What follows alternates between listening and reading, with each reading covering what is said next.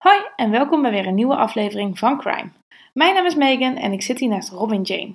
Vandaag gaan we het hebben over de 16-jarige Dasha Graafsma, die in 2015 op tragische wijze om het leven komt. Velen van jullie zullen deze zaak nog kunnen herinneren, want hij is volop in het nieuws geweest. Zelfs dit jaar is er nog onderzoek gedaan naar de dood van Dasha Graafsma.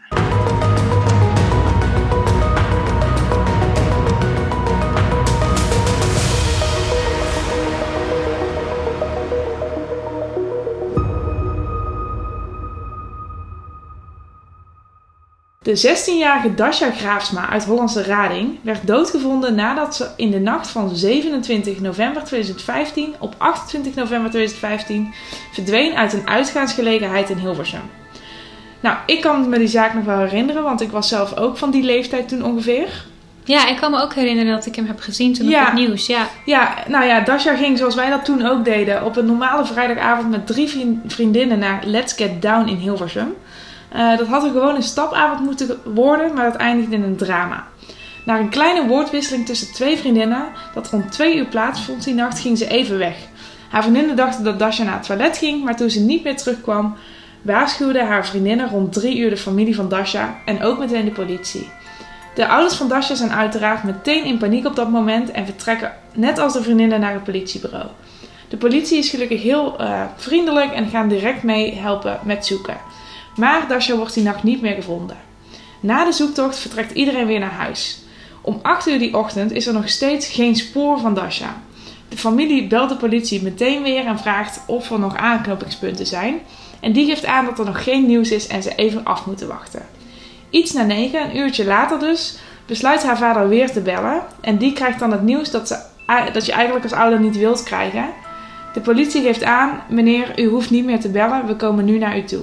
Oeh, dat is echt vreselijk. Dat wil je niet horen. Nee, nee. Dus die ouders die zitten ja, helemaal in paniek thuis te wachten van wat komen ze zoals nieuws brengen. Uh, de politie komt dan aan. Die zegt meteen, uh, meneer, we hebben verschrikkelijk nieuws. Uw dochter heeft zelfmoord gepleegd. Ze is vanochtend om 5 eh, uur 20 of 5 uur 45. Er zijn heel veel verschillende bronnen op internet. En ik heb niet de precieze tijd kunnen vinden. Uh, maar in ieder geval, Dasha is geraakt door een trein. Oeh, echt Verschrikkelijk. Ja, dat is verschrikkelijk. En die ouders zijn hier natuurlijk meteen ja, helemaal kapot van. Het feit dat ze is geraakt door een trein uh, bij Hilversum spo uh, sportparken kunnen zij gewoon niet bevatten. En zeker dat ze dit zichzelf aan zou hebben gedaan, uh, is iets waar de familie zich niet bij neer wil leggen. Dasha was een vrolijke 16-jarige meid die vol in het leven stond. En haar naasten geloven niet dat ze zichzelf van het leven heeft beroofd. Haar familie doet er dus alles aan om het dossier weer te openen. Want wat is er gebeurd met Dasha in de uren dat zij de club verliet om twee uur s'nachts en het moment van de aanrijding, zo'n 3,5 uur later? Wegens ontbrekende informatie sluit de politie het dossier al vrij snel. De vader van Dasha gaat hier echter niet mee akkoord en start een eigen onderzoek. Doet, dit doet hij met andere documentairemakers. Er hebben dan ook verschillende reconstructies plaatsgevonden en er zijn veel dingen duidelijk geworden over de tijd waarin Dasha verdween documentaire die samen met de vader van Dasha is gemaakt, is ook terug te vinden op onze website. Uh, en wil je meer weten over deze zaak, is echt een aanrader om die even te gaan kijken. Nou, wat weten we inmiddels zeker van die zaak? Op de bewuste avond, dus 27 november 2015, werd er besloten dat Dasha met een paar vriendinnen naar het 16-jarige Let's Get Down feestje zou gaan. Het was gewoon een normale vrijdag. Dasha heeft samen met haar vriend, dat had ook een vriend, nog naar vakanties gekeken. Ehm, ze heeft met een andere vriendin afgesproken om de volgende dag haar nagels te laten doen. Ook stuurde ze naar een andere vriendin weer een appje dat ze naar de korfbalwedstrijd kwam de volgende dag. Um, dus ja, Dasha stond wel vol in het leven. Ze spreekt af met vrienden. Ze maakt vakantieplannen met haar vriendje. Ja, ja dat, dat, dat klinkt zo echt als iemand die inderdaad volop in het leven staat. Het is gewoon een druk sociaal leven en toekomstplannen maken. Dat, nou ja, dat doe je niet als je ja, je bent 16, je doet al die dingen met, met je vriendinnen. Uh, ja, lijkt mij ook dat ze Vind ik leven niet stond. Nee. Klinken als iemand die zichzelf nee, precies. En dit verklaren ook meerdere vriendinnen van Dasha. Die zeggen echt, Dasha stond echt in het toppunt van haar leven. Uh, het is gewoon ondenkbaar dat Dasha zichzelf van het leven heeft beroofd. Want ze was gewoon vrolijk. Uh, er was niks raars aan haar op te merken. Het blijft echter alleen bij die getuigenverklaringen van vriendinnen en uh, familie. Want uh, zoals eerder vermeld zijn er langere tijd geen aanknopingspunten geweest uh, over wat er verder is gebeurd die avond. De politie houdt het op zelfmoord. Totdat er zes weken na die bewuste avond uh, door kinderen in de buurt Dasha's telefoon wordt gevonden in een bosje. Vanaf dan heeft de politie inzicht in de berichtjes die Dasha heeft binnengekregen die avond en de gebeurtenissen die daarop mogelijk hebben plaatsgevonden. Zo is duidelijk dat ze om 11 over 7 die avond samen met haar vriendin Tessa van Hollandse Rading naar Maartensdijk fietste. Rond half acht komen ze aan bij een vriendin, waar ook meerdere van hun vrienden zijn. Het zijn zowel mannen en vrouwen. Daar drinken ze wat drankjes, zoals je altijd doet als je 16 bent. En rond half 1 vertrekken ze naar een feestje in Hilversum. Daar komen ze rond kwart voor één aan. Ze zouden eerst met de taxi gaan, maar dit, omdat dit te duur is, besluiten ze toch om met een van de auto's van de jongens te gaan. Ze parkeren de auto bij het KRO-gebouw en dan is het nog zo'n 5 minuten lopen naar Let's Get Down. Om twee uur ontvangt Dasha een Facebook berichtje van een 27-jarige jongen. Waarin staat: Jij bent zo mooi geworden. Groetjes aan Sophie. Uh, en na dit berichtje is er blijkbaar een klein akkefietje ontstaan tussen twee vriendinnen.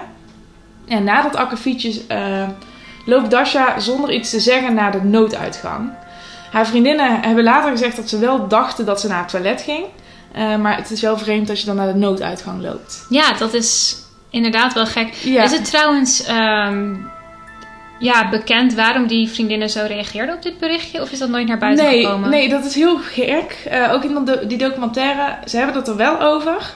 Maar die vriendinnen uh, zeggen dat zij het niet zelf zijn geweest. Dat er een akkefietje tussen andere mensen zijn ontstaan die naast hen stonden. Oh, oké, ja. Maar er zijn ook bronnen die zeggen dat de vriendinnen het zelf zijn geweest. Maar dat is nooit bevestigd door die meiden zelf. Oké, dus het is niet helemaal zeker of dat überhaupt iets met dat sms'je te maken heeft. Nee, nee, precies. Um, dus ja, we weten niet wat daar precies is voorgevallen. Um, wie dat sms'je precies heeft verzonden, dat is wel duidelijk bij de politie. Maar de afzender ontkent dit zelf verzonden te hebben. En ja, het is natuurlijk Facebook, dus je kan ook oh, op andere apparaten zijn, staan ingelogd. Dat is dus waar. Het kan, um, maar het is wel vreemd. Ja, het, het kan. Het is mij ook wel eens gebeurd dat je je Facebook open laat staan. Ja. Vooral uh, vroeger dat dan mensen er iets op je wall gingen zetten of zo. Maar het is inderdaad. Het is, het is niet vaak dat je echt berichtjes stuurt naar andere mensen. Nee, en ook omdat hij blijkbaar ook op dat feest was. Als 27-jarige jongen. Ja, ja. ja. Dus ja, ik, ik wil er ik, niet om te veel te speculeren, maar het is vreemd en dat vindt de familie van Dasha ook. Is het ook. Ja, ja maar goed, daar is verder, verder geen onderzoek naar gedaan. Uh, om twee uur verlaat Dasha dus het feest via de nooduitgang. Uh, en om 16 over 2 is Dasha vervolgens zonder jas te zien op een bewakingscamera. Uh, ze liep hoogstwaarschijnlijk terug richting het centrum van Hilversum. En dit is ook meteen het laatste beeld dat de politie van Dasha heeft. Uh, met politiehonden heeft de politie op een later moment haar route willen nalopen. En die politiehonden die geven aan dat Dasha urenlang heeft rondgedwaald in Hilversum. Een kaartje daarvan met de route die zij mogelijk heeft genomen staat ook op onze website. Maar waar ze precies is geweest is niet helemaal duidelijk. Want later blijkt namelijk dat de route van de honden niet super accuraat hoeft te zijn.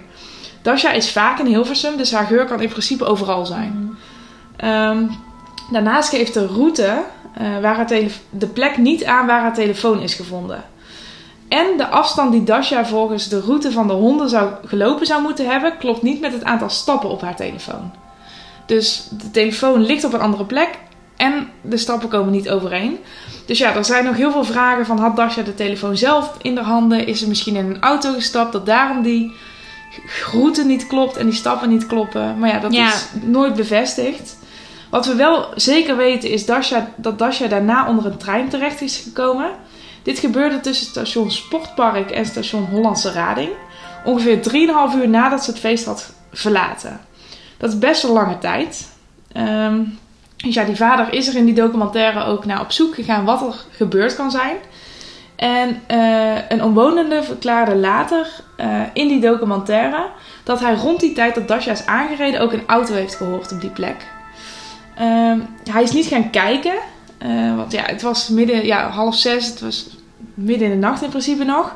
Dus hij is niet gaan kijken, maar hij herinnert, zich nog wel dat hij even een tijdje een auto heeft gehoord. Nou ja, de vraag is dus: is Dasha in de auto naar de plek gegaan waar ze uiteindelijk is aangereden? Uh, in de documentaire is ook te zien dat het stuk waar ze is aangereden ja, heel donker bosgebied is. En het was natuurlijk november. Dus om half zes zou het nog donker en koud geweest moeten zijn om dat stuk sowieso gelopen te hebben. Ook is de plek waar Dasha is aangereden alleen te bereiken door over een hek te springen. En dat is best wel lastig, want die hekken zijn best wel moeilijk. Hmm. Um, daarbovenop komt nog ehm, dat er een getuige in de trein zat die aangeeft dat ze op het moment van de aanrijding geen uh, toeter van de trein heeft gehoord. Oké, ja. Dus dat, al die dingen bij elkaar. Het was donker, het was koud, groot hek, uh, geen toeter. Heel gek. Um, de machinist geeft in een verklaring later aan dat Dasha met haar handen in haar zij voor de trein stond en naar de trein keek. En dat is een, voor de politie een bevestiging dat ze echt daadwerkelijk zelfmoord heeft gepleegd. Maar een forensisch arts concludeert na onderzoek uh, iets tegenstrijdigs. Hij zegt namelijk dat Dasha in haar rug is aangereden, zoals is te zien uh, aan haar verwondingen. Oké, dat is wel vreemd. Um, maar hoe kan het dan dat de politie wel nog steeds zegt dat dit een zelfmoord was? Nou, dat vraagt de politie of de familie zich ook nog steeds af. Um, de, ja, we weten dat het, het, zicht van een machinist erg onscherp is als het zo donker is zoals het op dat moment was. Uh, en, zo denken de geliefden van Dasha, alleen op zijn getuigenis afgaande is er dus ook geen hard bewijs voor een zelfmoord. Want die forensisch arts zegt iets heel anders. Ja, precies. Ja, en wat ook vreemd is, dat uh, de plaats van de aanrijding is binnen 49 minuten weer vrijgegeven. En dit is heel kort voor het bergen van een lichaam en een onderzoek naar andere eventuele doodsoorzaken. Uh, het is dus voor de familie nog steeds een raadsel wat daar precies is gebeurd, hoe ze is aangereden. Dat, ja, dat dossier en dat onderzoek is gewoon vrij snel gesloten. Er zijn dan ook nog steeds een paar vragen die in het hoofd van de familie spoken. En deze vragen worden ook keer op keer weer in uh, rechtszaken omhoog gehaald, waarbij ze een nieuw onderzoek eisen. Wie is bijvoorbeeld die 27-jarige jongen waarvan ze dat van Facebook berichtje had gehad? Ehm, wat heeft Dasha precies in die uren van het moment van verlaten van de club en de aanrijding gedaan? Ja, precies. Is in een auto gestapt? Waar is ze geweest? Hoe is ze op die plek gekomen? Ja, ik zat zelf ook nog te denken. Wat als iemand bijvoorbeeld iets in haar drankje heeft gestopt of zo? Alleen wat ik daar nou weer gek in zou vinden, dat ze dan misschien heeft rondgelopen en ja, ehm, maar hoe kan het dat als je uh, gedrogeerd zou zijn, dan kan je bijvoorbeeld niet meer over zo'n hek klimmen in je nee, eentje? Het klopt allemaal net niet. Ja. En ook omdat dat onderzoek binnen 49 minuten is afgesloten, hebben ze niet die hele plek kunnen onderzoeken. Zo, zegt, zo zeggen mensen ook in die documentaire. Ja. Dus ze kunnen ook niet precies zien of ze ook daadwerkelijk drugs in haar, in haar lichaam had zitten. Nee. Um, ja, die, die forensisch arts kan alleen zeggen dat ze van haar, vanuit haar rug is aangereden. Mm um, dus da dat, daarmee komt ook de vraag van... was ze op het moment van aanrijding alleen? Is ze daar bijvoorbeeld voor geduwd? Ja, uh, precies. Want de ja. machinist heeft het niet getoeterd. Dus misschien heeft hij het echt pas op het laatste moment doorgehad. Uh, het is gewoon heel raar. En ook omdat die stappenteller op haar telefoon uh, aangeeft dat ze maar een klein aantal stappen heeft afge afgelegd. Ja, dat is ook vreemd. En dat... meestal stopt zo'n stappenteller er inderdaad ja, mee. Doet het echt goed. Op het moment dat je in een voertuig stapt. Precies, ja. ja. En hij is ook best wel ver van de plek afgevonden van de club. Ja. Dus er zouden meer stappen op moeten staan. Nou ja, al die vragen, daar is gewoon nooit antwoord op gekomen. En recentelijk, op 12 mei van dit jaar, uh, is het onderzoek opnieuw door de politie gesloten wegens gebrek aan bewijs. Super teleurstellend voor de familie en vrienden van Dasha, want zij blijven echt met heel veel vragen achter. Dus heb jij nog een tip? Wil je nog iets kwijt over de zaak? Ga dan even naar onze website. Uh, er staat een link waar je nog steeds tips kan indienen. Het is nog niet zo lang geleden, dus uh, wellicht dat we nog iemand kunnen aansporen met een tip. En wie weet krijgen de geliefden van Dasha toch nog de antwoorden dan waar ze op hoopten.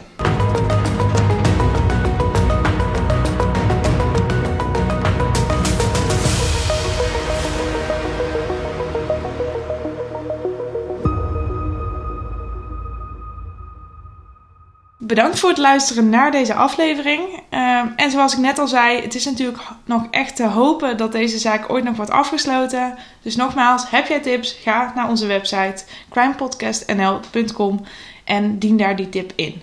Wil je daarnaast nog verder op de hoogte blijven? Volg ons dan op Instagram crimepodcastnl en dan zien we je hopelijk volgende week weer.